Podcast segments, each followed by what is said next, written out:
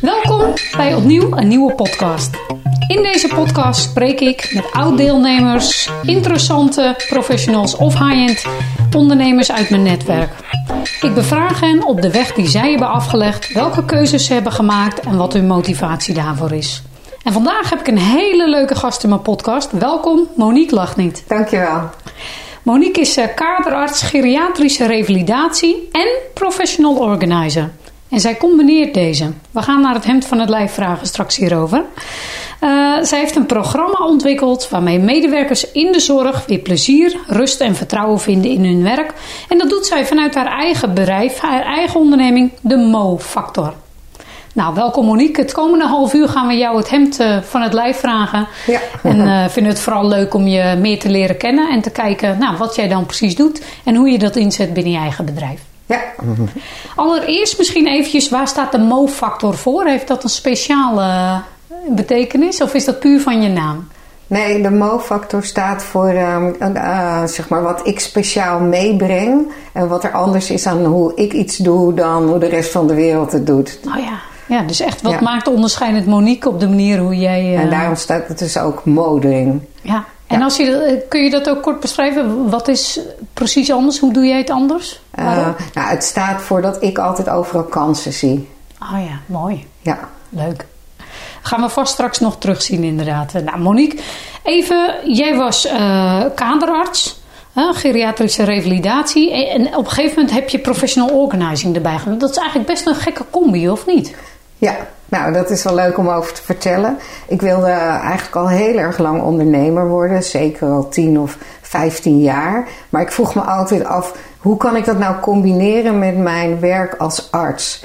En toen uh, begin 2017, ik was net gescheiden. Voor mij is die uh, omwenteling van loondienst naar ondernemer... heeft ook echt heel veel te maken met mijn scheiding en heel veel verandering in mijn leven. En toen begin 2017, toen kwam ik erachter dat datgene wat ik ontzettend leuk vind om te doen... het organiseren van mijn werk, dat um, dat, dat een beroep is... En dat je daar ook een opleiding voor hebt. En dat is dus professional organizing. Ik deed het altijd al, maar ik wist helemaal niet dat dat een beroep was. En toen ben ik dus in 2017 ook die opleiding gaan doen. En eind 2017 heb ik mijn baan opgezegd en heb ik de Mo-factor opgericht. Oh, wauw. En, ja. en, en, werk je dan, alles doe je op dit moment vanuit de Mo-factor? Ja. ja. Zeg maar, want je... En... Nou, er zijn, ik, werk nog, ik werk ook bij het LUMC. Dat is eigenlijk tegelijkertijd dat ik mijn loondienstbaan in het verpleeghuis uh, heb opgezegd... ben ik ook gestart bij het LUMC. En bij het LUMC ben ik nog wel in loondienst. En verder alle andere activiteiten die ik doe, doe ik vanuit de Mo-factor. Mooi, inderdaad. Ja. En wat was, want jij zegt ik wilde altijd al ondernemer worden. Wat was die drive om ondernemer te worden? Wat trok je daar zo in aan? Uh, nou, ik denk dat het gewoon in het bloed zit. Ik kom uit een middenstandersfamilie. Mijn opa had een drogist. Mijn, uh, uh, mijn vader had een eigen bedrijf. En mijn, mijn zus die heeft heel, heel veel horeca-ondernemingen. Mijn oma had een stoffenwinkel. En dat is best wel bijzonder als je bedenkt dat zij zeg maar in de jaren 50, 60 ja, haar eigen zeker. stoffenwinkel had. En dus het, het ondernemen zit gewoon in het bloed. Oh, grappig. Misschien ook leuk om te delen. Mijn oma had een verfvinkel. Oh, grappig. Dat is ook ja. heel bijzonder inderdaad. Ja, ja in die en tijd, ja. Als je een, uh, terugzoekt op internet, dan kan je nog een, uh, ook een foto vinden van Café Lachniet in, uh, in Eindhoven. Nou, voor dus... de mensen die dat even willen doen, nogmaals, scroll even op internet en zoek even naar die naam. Het bestaat nu niet meer, maar, dus, dus dat zeg maar ondernemerschap, dat zit in het bloed. Ja, dus dat wilde je eigenlijk altijd al doen. Ja. Ja. Hoe ben je in het vak van arts gerold en hoe lang ben je al arts? En eh, heb je ook nog andere dingen gedaan of ben je, heb je dit altijd gedaan? Um, nou, ik, ik, toen ik op de middelbare school zat, wist ik eigenlijk niet zo goed wat ik wilde doen. Um, dus, en toen heb ik in de vijfde klasse had ik een beroepskeuzetest gedaan. En eigenlijk was het iets met andere mensen helpen. En toen heb ik gesolliciteerd op de opleiding tot verpleegkundige A en B. En, en ik heb me ingeschreven voor geneeskunde. En ik was overal aangenomen. Oh, wow. En toen dacht ik, nou dan kies ik maar voor geneeskunde. En Ja, zo ben ik eigenlijk arts geworden. Ja, want hoe lang ben je nu arts? Uh, nou, ik ben dus al op mijn achttiende begonnen met studeren en ik was Ja, ja. 26 toen ik klaar was. Ja. Ja. En toen inderdaad hè, ging je je eigen onderneming uh, starten. Wist je precies duidelijk wat je wilde aanbieden en aan wie? Of was dat nog een zoektocht? Of hoe, ging dat? Hè? Vooral dat professional organizing stuk? Nou, dat is best wel een zoektocht. In het begin, um, uh, kijk, als je professional organizer bent, de meeste organizers zijn bekend op het organiseren van je spullen. Maar je hebt ook organizers die zich richten op het organiseren van je taken en je tijd. En eigenlijk heeft het het eerste half jaar geduurd voordat ik voor mezelf de beslissing heb genomen om me helemaal niet meer te richten op het organiseren van spullen. Daar doe ik dus ook helemaal niets meer mee. En alleen maar op taken en tijd. En um, ongeveer na een jaar heb ik er ook voor gekozen om me echt te profileren als organiseren van je taken en je tijd specifiek in mijn vakgebied. Want dat is echt waar ik het allerbeste in ben. Ja, dus dat is eigenlijk een groeiproces geweest. Hè? Zo. En, en, kwam die drive vanuit omdat jij dat leuk vindt om dat te organiseren? Hè? Of hoe kwam je daartoe? Of kwam het ook echt omdat je daar een gat zag in de markt? Dat mensen er tegenaan liepen in je werk? Wat was daar de belangrijkste reden voor om dat stuk aan te gaan pakken? Um, nou, het zat er eigenlijk altijd al in. Ik was een jobhopper, dus ik ging drie uh, jaar ergens werken. En dan werkte ik eigenlijk het liefste ergens waar dingen niet goed liepen. En dan ging ik helpen om de processen goed te krijgen, maar wel vanuit gewoon een aanstelling als arts. En dat dan, zat dus ook al in het bloed. Ja, ja. ja. en um, en toen werd ik ZZP'er en dan werd ik ingehuurd omdat er ergens een tekort was aan artsen. Maar wat ik dan meteen ging doen is helpen om te zorgen dat het beter georganiseerd werd. En dus, dus toen ben ik ook gaandeweg steeds beter gaan selecteren. Van nou, ik kom niet zomaar iemand vervangen. Ik wil wel komen, maar er moet wel altijd een verbeteropdracht aan zitten. En dus, dus ook als ondernemer ehm, heb ik me wat dat betreft wel ontwikkeld. Ja. Dus als je mij nu belt om te komen waarnemen dan kom ik niet meer. Nee, die fase is geweest inderdaad. Ja. Dan moeten we ook ergens naartoe te groeien zijn. Ja, mooi. En misschien even over jouw uh, klanten, hè, of de mensen die je helpt inderdaad.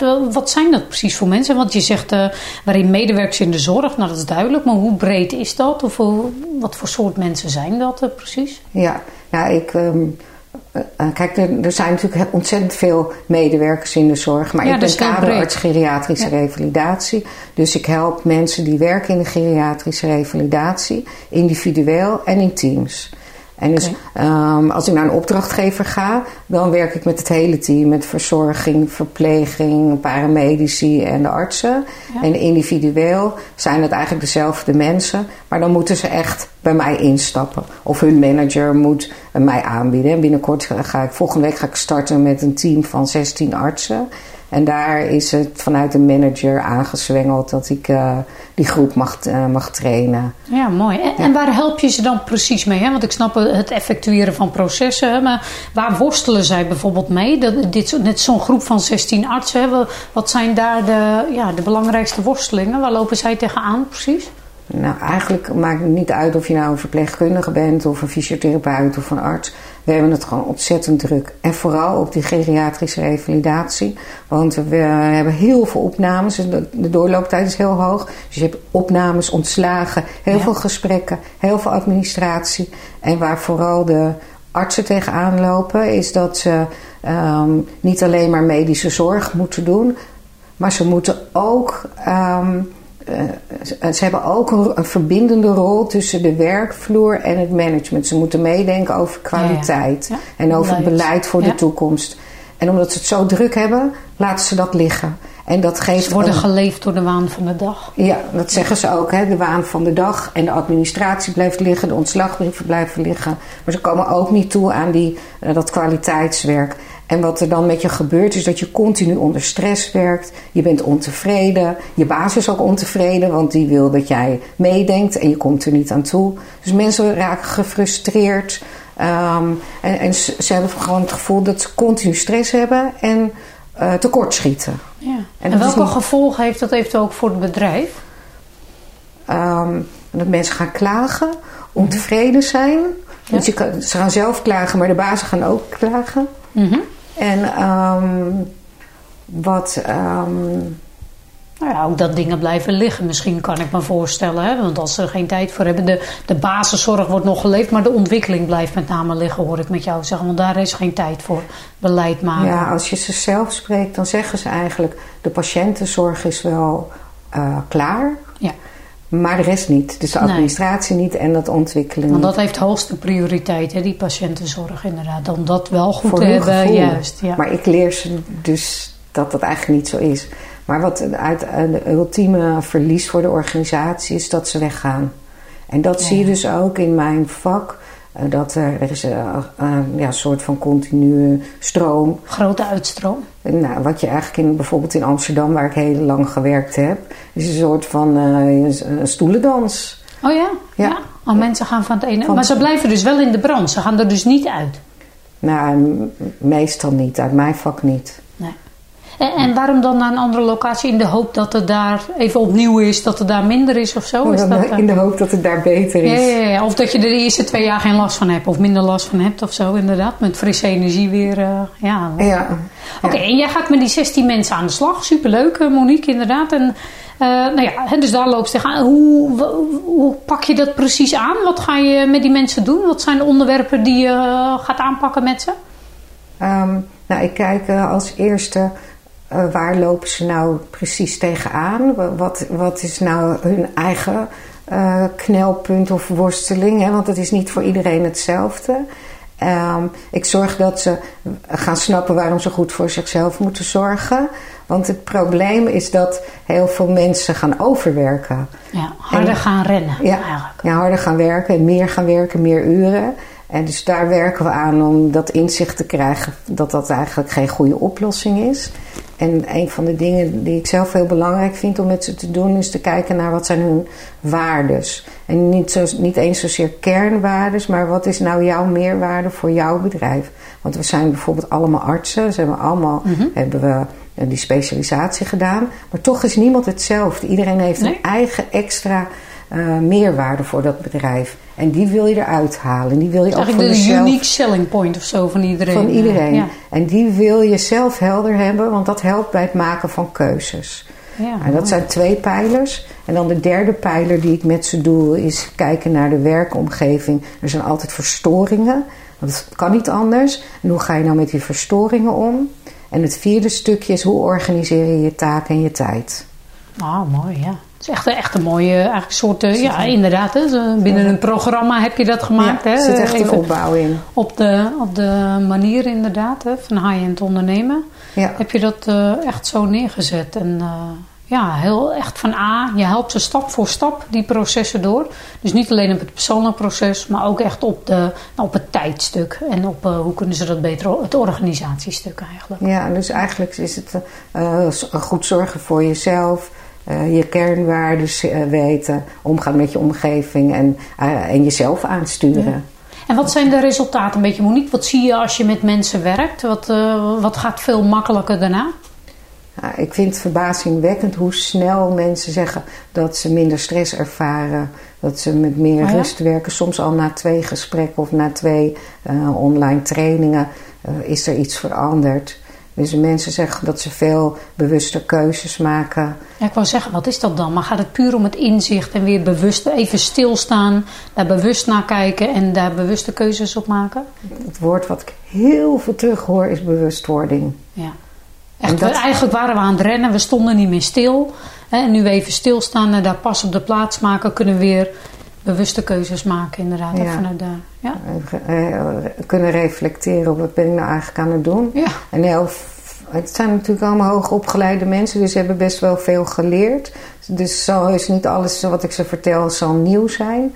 Maar even alle kwartjes laten landen. En ook dat die vier pijlers echt bij elkaar horen. Dus aan het eind van het programma hoor ik ook vaak dat mensen zeggen: nu vallen alle kwartjes. Ah ja, mooi. Ja. Ja. omdat je alles bij elkaar brengt. Ja, Ja, en dat is het. Ik bedoel, weten, dat is natuurlijk één ding. Maar het doen is iets anders. Dat is voor mij ook. Ik bedoel, Ja. ik heb heel veel ondernemers die hebben wel ideeën voor hoeveel het moet. Maar dan heb je het nog niet gerealiseerd. En dat is bij jou eigenlijk ook. Hè. Die functie om weer die bewustwording en dat echt te gaan realiseren weer. Te gaan doen. Dat ze het weer kunnen gaan toepassen om die rust. eh. En wat je dus ziet, is dat daarom is die opbouw ook zo. Dus in het begin zie je heel veel bewustwording. En ik heb expres de pijler 4 is jezelf aansturen. Hè? Dus dat taken en tijd, maar dat is echt jezelf aansturen.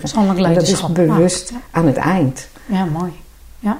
Hebben mensen ook bezwaren waarom ze dit niet zouden willen? Of is er heel veel vraag naar? Of hoe leeft het binnen deze branche op dit moment? Of hebben mensen er geen tijd voor? Dat is nou precies het punt. ja, ehm, nou ik denk dat heel veel mensen um, het ook wel eng vinden om, uh, want, je, want je wordt er wel met jezelf geconfronteerd.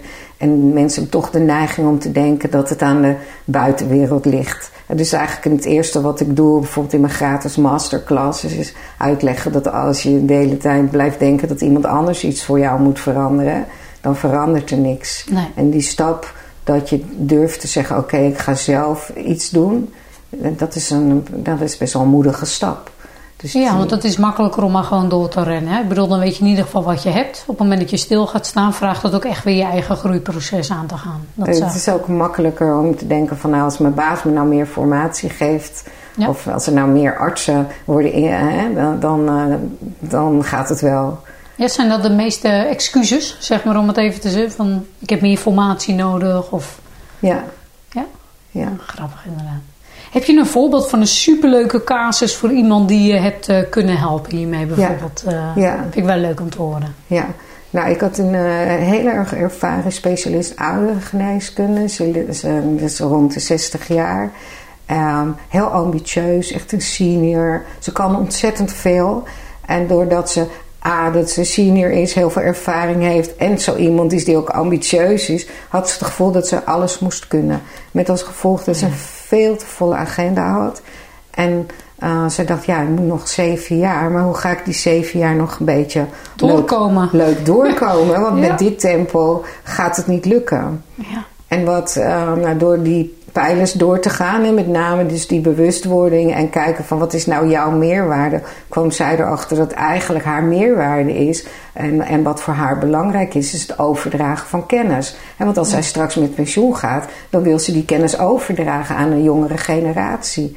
En Mooi. wat ze merkte was dat dat stukje nou in het dagelijkse werk eigenlijk altijd uh, achteraan kwam. Dus dat Ja. was het steeds het sluitstuk.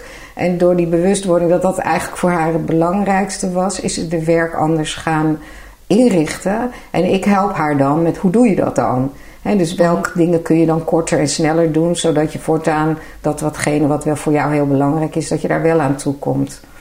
En dat heeft haar heel veel ehm, ja, ook voldoening gegeven. Want nu kan ze echt meer tijd besteden aan het overdragen van kennis en het opleiden. Ja, doet ze het nu ook echt? Ja, Ja. wauw, mooi. En ze heeft Ja. meer rust waarschijnlijk. Ja, Ja, mooi.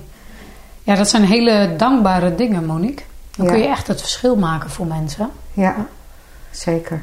Ja, hoeveel artsen zijn er ongeveer? Hoeveel klanten zou je kunnen bedienen in Nederland? Hoe groot is die groep? Ik heb geen idee hoor. Misschien heb jij Ja. daar.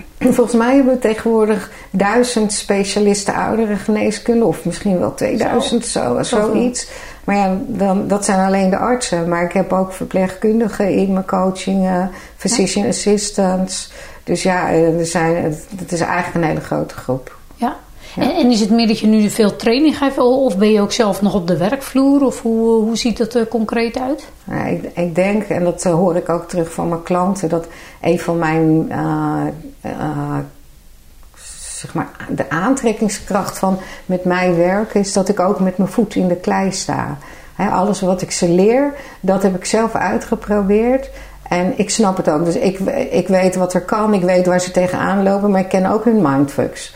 Ja. Dus als ze zichzelf iets wijs maken van dat kan niet, dan zeg ik dan dat kan wel. En dan geloven ze mij ook, omdat ik ook met mijn voet in de klei sta.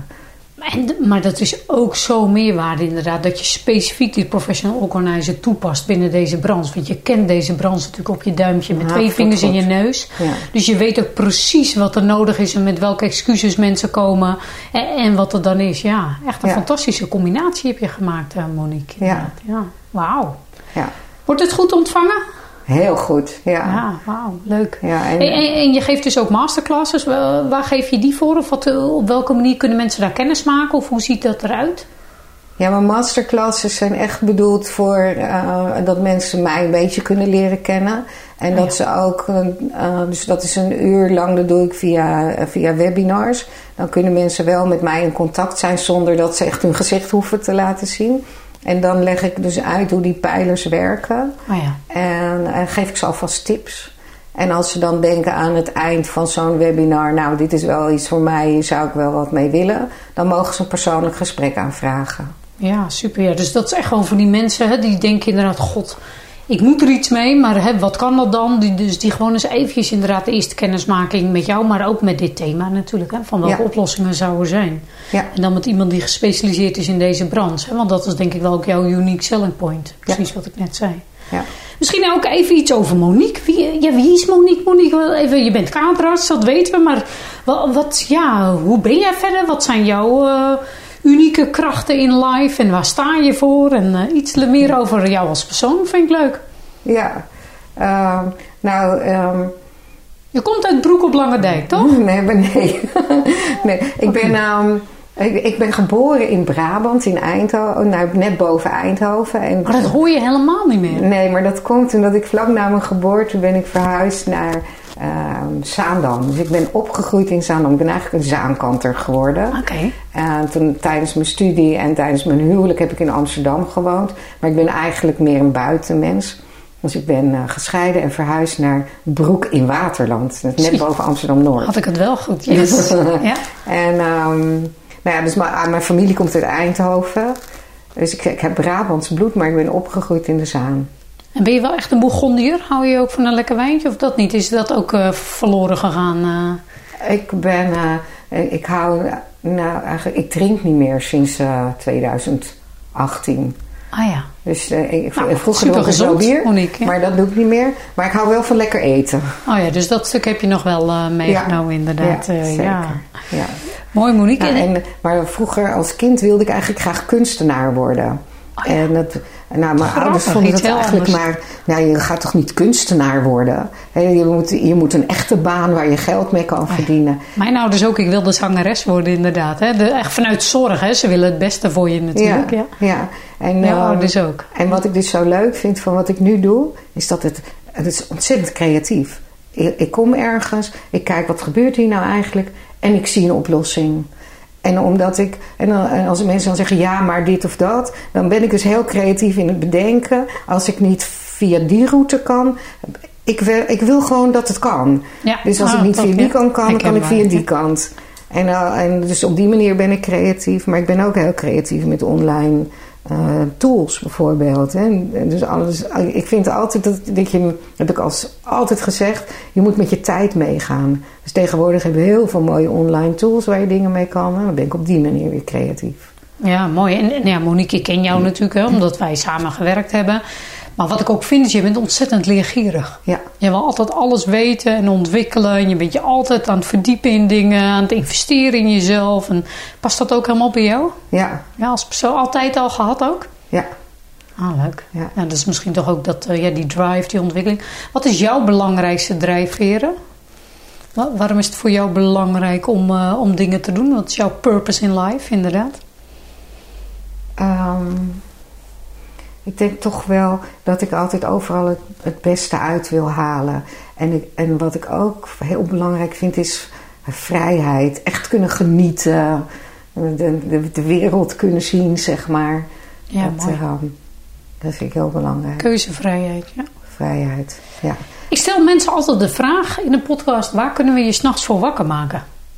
Waar zouden we jou s'nachts als we eens aanbellen, gewoon om twee uur s'nachts, waar kunnen we je dan mee wakker maken? Dat je ook nog blij wordt, hè?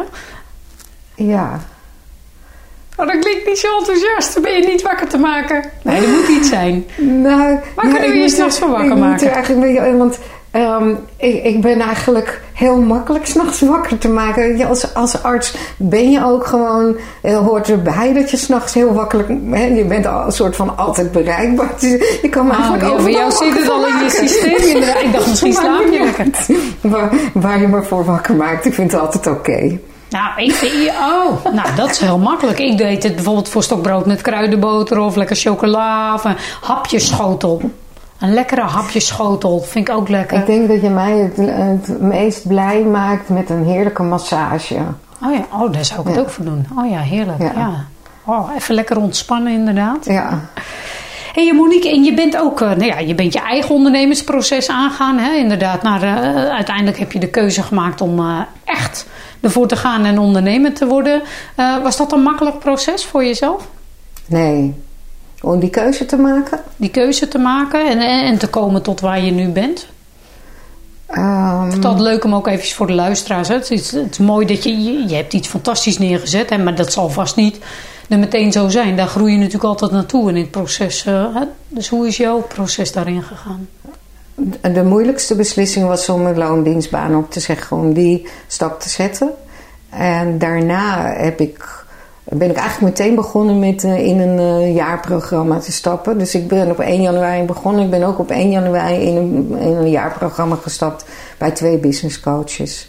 En dat was dan een programma wat zij met z'n tweeën deden. Want ik dacht, als ik dit ga doen, dan wil ik het gelijk goed doen. Ja, had ik ook. Ja. Ik ben meteen ingestapt bij, een- bij een coach. En dat heeft me wel heel veel geholpen. En ik ben ehm, destijds eh, bij jou in het programma gestapt omdat het me niet lukte om het verband te zien tussen al die dingen die ik doe. Dus ik wilde, een, ik wilde meer een soort van paraplu. Wat, wat ben ik nou eigenlijk aan het doen en wat is de, Focus. wat is de lijn? Wat verbindt dat nou allemaal met elkaar? Ja, dat is, mooi. eh, en dat heb ik nu gevonden. En ehm, ik moet eigenlijk zeggen dat het me, als ik kijk naar wat ik allemaal bereikt heb, dat het me vrij makkelijk afgaat. Dat, eh, maar ik had wel een, eh, mijn eigen dingetje hè, met, met verkopen. Ik had het gevoel dat ik mezelf moest verkopen. En dat is misschien wel, hè, want dat, dat herken ik bij zoveel mensen die in de zorg zitten. Jij Ja. bent daar echt niet de enige in. Hè, want het, ergens hoor ik vaak, ja, het is ook gewoon niet helemaal ethisch. Hè, het moet een stukje bescheiden zijn, want we, we helpen toch mensen. Of waren dat ook allemaal bezwaren die bij jou eh leefden, of was het iets anders? Ehm, het, ik denk dat het grootste probleem is dat je denkt dat je jezelf moet verkopen. Terwijl je in, feite. ehm, en ik, ik kon die brug niet goed maken, want ik snapte wel dat je een product verkoopt in plaats van jezelf. Ehm, maar ik heb het afgelopen jaar bij jou en ook bij een andere coach, want ik heb tegenwoordig altijd twee coaches tegelijk, twee verschillende. Ehm, maar wat, wat voor mij echt de verandering heeft gemaakt, is het, het eh, gaan zien dat je niet een product verkoopt, maar dat je iemand anders helpt met wat jij Ja, mooi. kunt. Mooi hè? En, dus, Ja. en, en dat is een beetje, die, die shift is een beetje tegelijkertijd gekomen. Weet ik nog heel goed dat ik van jou leerde van hoe doe je nou zo'n gesprek. En op een gegeven moment viel er bij mij een kwartje dat ik dacht, dit lijkt gewoon zoveel op een arts-patiënt gesprek. Ja. Natuurlijk kan ik dat. Ja, hoe, mooi. hoe goed kan ik dat? Ik doe Ja, het ik weet dat moment al. nog, eh, Monique. Ja. Echt die doorbraak hè? Daarin, ja, eh, het was echt, echt een groeiproces. Ja. En toen, dacht- toen ik dat snapte van ja, maar dit is eigenlijk gewoon een arts-patiënt gesprek. En die klik maakte van ik verkoop niet een product, maar ik help mensen. Ja, toen, en toen is het gewoon zo veranderd. Ja. Ik denk nu nooit meer na over verkopen. En bijzonder, want dit was echt wel een drempel waar je echt jaren mee hebt geworsteld. Heel grote drempel. Eh, Ja, die Ja. je echt hebt kunnen doorbreken, hè? inderdaad, Ja. in ons programma, tenminste in onze samenwerking. Ja, Wat natuurlijk voor jou echt het verschil maakt, dat je onderneming wel ook echt gaat floreren nu. Hè? Dat het gewoon ook lekker loopt, dat je daar niet meer over na hoeft te denken, inderdaad. Ja. Heel dankbaar ook, eh, Monique, inderdaad. Heel, eh, ja, was echt een mooi moment. Volgens mij weten we het allebei nog heel goed, inderdaad. ja. Nou goed, en daarin ben je dus niet de enige, want ik merk dat vaak bij mensen in de zorg. Dit- ze hebben een missie, ze hebben een drive, maar vooral dat, dat verkoopstuk. Hè, en dat, ja, hoe krijg je dat dan ook echt georganiseerd? Hoe gaat dat er dan concreet uitzien? En die vaardigheden hebben ze vaak gewoon nog niet genoeg in hun rugzak, want dat heb je ook gewoon nog nooit geleerd. Ja. Weet je, dat, en dat is ook weer precies net als jouw klanten om dat echt aan te gaan en dat groeiproces echt door te lopen en ook met jezelf aan te gaan. En bij Ja. jou was het ook echt een persoonlijk stukje groeiproces, hè? die drempel Ja. eh, omverwerpen, zeg maar, hè? of eroverheen. eh, ja. ja. En eh, ja, inmiddels heb je een mooi klantenbestand. Monique, help je. Je, je werkt landelijk, inderdaad, ook nog andere dingen. Is dat leuk om misschien nog even te noemen? Wat doe je tegenwoordig? Nou, dat, ehm, ik, ik heb tegenwoordig een, echt een schema. Op maandag en dinsdag ben ik bij een opdrachtgever eh, in Emmeloord. En daar sta ik dus met mijn voeten in de klei en leid ik een eh, PA op. Die is nou net klaar en binnenkort starten we met een tweede PA die eh, ik ga opleiden. Wauw. En dan, eh, nu ben ik op woensdag in, eh in Heerenveen bij een opdrachtgever. En daar zijn we dus echt aan het kijken, wat kan deze organisatie nou doen om zowel de kwaliteit te verhogen als eh, meer inkomsten te genereren. Dat is echt een superleuke opdracht. Echt ook op strategisch niveau, hè? echt meedenken. Nou, heel erg eh, de, verbinding maken Ja. tussen de werkvloer en het management. Ja, dat is wat ik doe. Ja. En ehm, Dan op donderdag geef ik les in de GRZ voor het LUMC. En op vrijdag geef ik les in leiderschap. Hoe blij ben je? Super blij, ja. Hoe, wat, wat is het grootste verschil uh, met hoe het hiervoor was? Voordat je deze doorbraak nog niet gerealiseerd had, Monique? Het grootste verschil was toen ik nog in, vooral toen ik nog in loondienst was, zeg maar. Toen had ik heel vaak het gevoel dat ik heel veel wist over hoe je anders zou kunnen werken. Maar ik was niet vrij om de keuzes te maken die ik zelf wilde maken. Vanuit je eigen visie. Vanuit eh, eh werken zoals als ik geleerd had dat je je werk zou moeten organiseren. Maar je hebt, ik had ook nooit de vrijheid om de trainingen te doen die ik belangrijk vond. En ik had ook niet een budget om eraan te besteden. En uh, die, die vrijheid om jezelf te ontwikkelen zoals jij het belangrijk vindt. Maar ook je werk te kunnen doen met, met jouw eigen meerwaarde en met je eigen. Uh, wat je geleerd hebt hoe je zou moeten werken. Of hoe je meer effectief kunt werken. Dat kon ik al in loondienst niet. En nu kom ik gewoon veel beter tot mijn recht. Ja, ik weet ook nog precies, hè, toen wij ons gesprek hadden, heel in het begin, toen zei ik, ik, ik heb zo'n visie, ik heb zoveel meer te geven, ik heb een idee hoe het kan en ik, ik wil dat onder mijn eigen voorwaarden ook gaan realiseren, want ik weet zeker dat het, er was echt een hele duidelijke drive en een missie en een purpose, zeg maar, eh, om dat neer te gaan zetten. Ja. Inderdaad, Monique. Er zat gewoon nog veel meer in dan dat eruit kwam. En nu heb je het ook in een vorm, hè, onder een paraplu, alles bij elkaar met een scherpe focus, hè, waardoor het ook echt eruit komt. Ja. En waardoor je helemaal kunt gaan floreren, ja. Ja, en ik Heel bijzonder, die, mooi. Die, die, die, die opdracht die ik, waar ik dus nu net aan begonnen ben, dat is, dat is helemaal, hè. Dus die, die verbinding tussen werkvloer en het management, de verbinding tussen de inhoud van het werk en het organiseren, het werken met zo'n team, mensen in beweging krijgen. Ja, de luisteraars zien het niet, maar Monique straalt hier echt. Ze heeft een glimlach van oor naar oor inderdaad. Ja, Je bent helemaal op je plek, hè? Ja, het is gewoon zo leuk om te doen. Wat voor cijfer geef je het nu op een schaal van 1 tot 10? Waar nou, je nu staat? Een 10 plus. Ah, wauw. Ja, heel bijzonder, Monique. En inderdaad heel dankbaar. Uh, ja. ja. Dus uh, complimenten en uh, alle credits voor jou. Je hebt daar een prachtig proces van gemaakt en je bent alles aangegaan. Hoe moeilijk ook, want er waren ook echt wel moeilijke momenten. Het was niet altijd makkelijk. Maar doorzetten en dan kom je er. Dus, Monique, stel dat er medewerkers in de zorg, artsen, andere geïnteresseerden binnen dit stuk nou zeggen, nou interessant, hè? ook deze podcast en wat Monique. En misschien is dat ook wel interessant voor mij. Eh, op welke manier kunnen mensen dan kennis maken? Want je, je hebt een masterclass. Is die te vinden op je website bijvoorbeeld? Uh, nou, die masterclasses die uh, kondig ik altijd aan op LinkedIn. Oké, dus op LinkedIn even connecten met Monique Lacht niet of de Mo-factor? Nee, met Monique Lacht niet. Monique Lacht niet, inderdaad. Ja, en dan, daar kondig ik altijd mijn masterclasses aan. Okay, en lach niet is met CH, hè? Dat is misschien ook goed. Lach niet, met een T. Ja. Yes. Ja. En um, uh, ik heb ook een website, dat is uh, www.mo-factor.nl. En daar vind je allerlei informatie. Daar schrijf ik ook blogs op.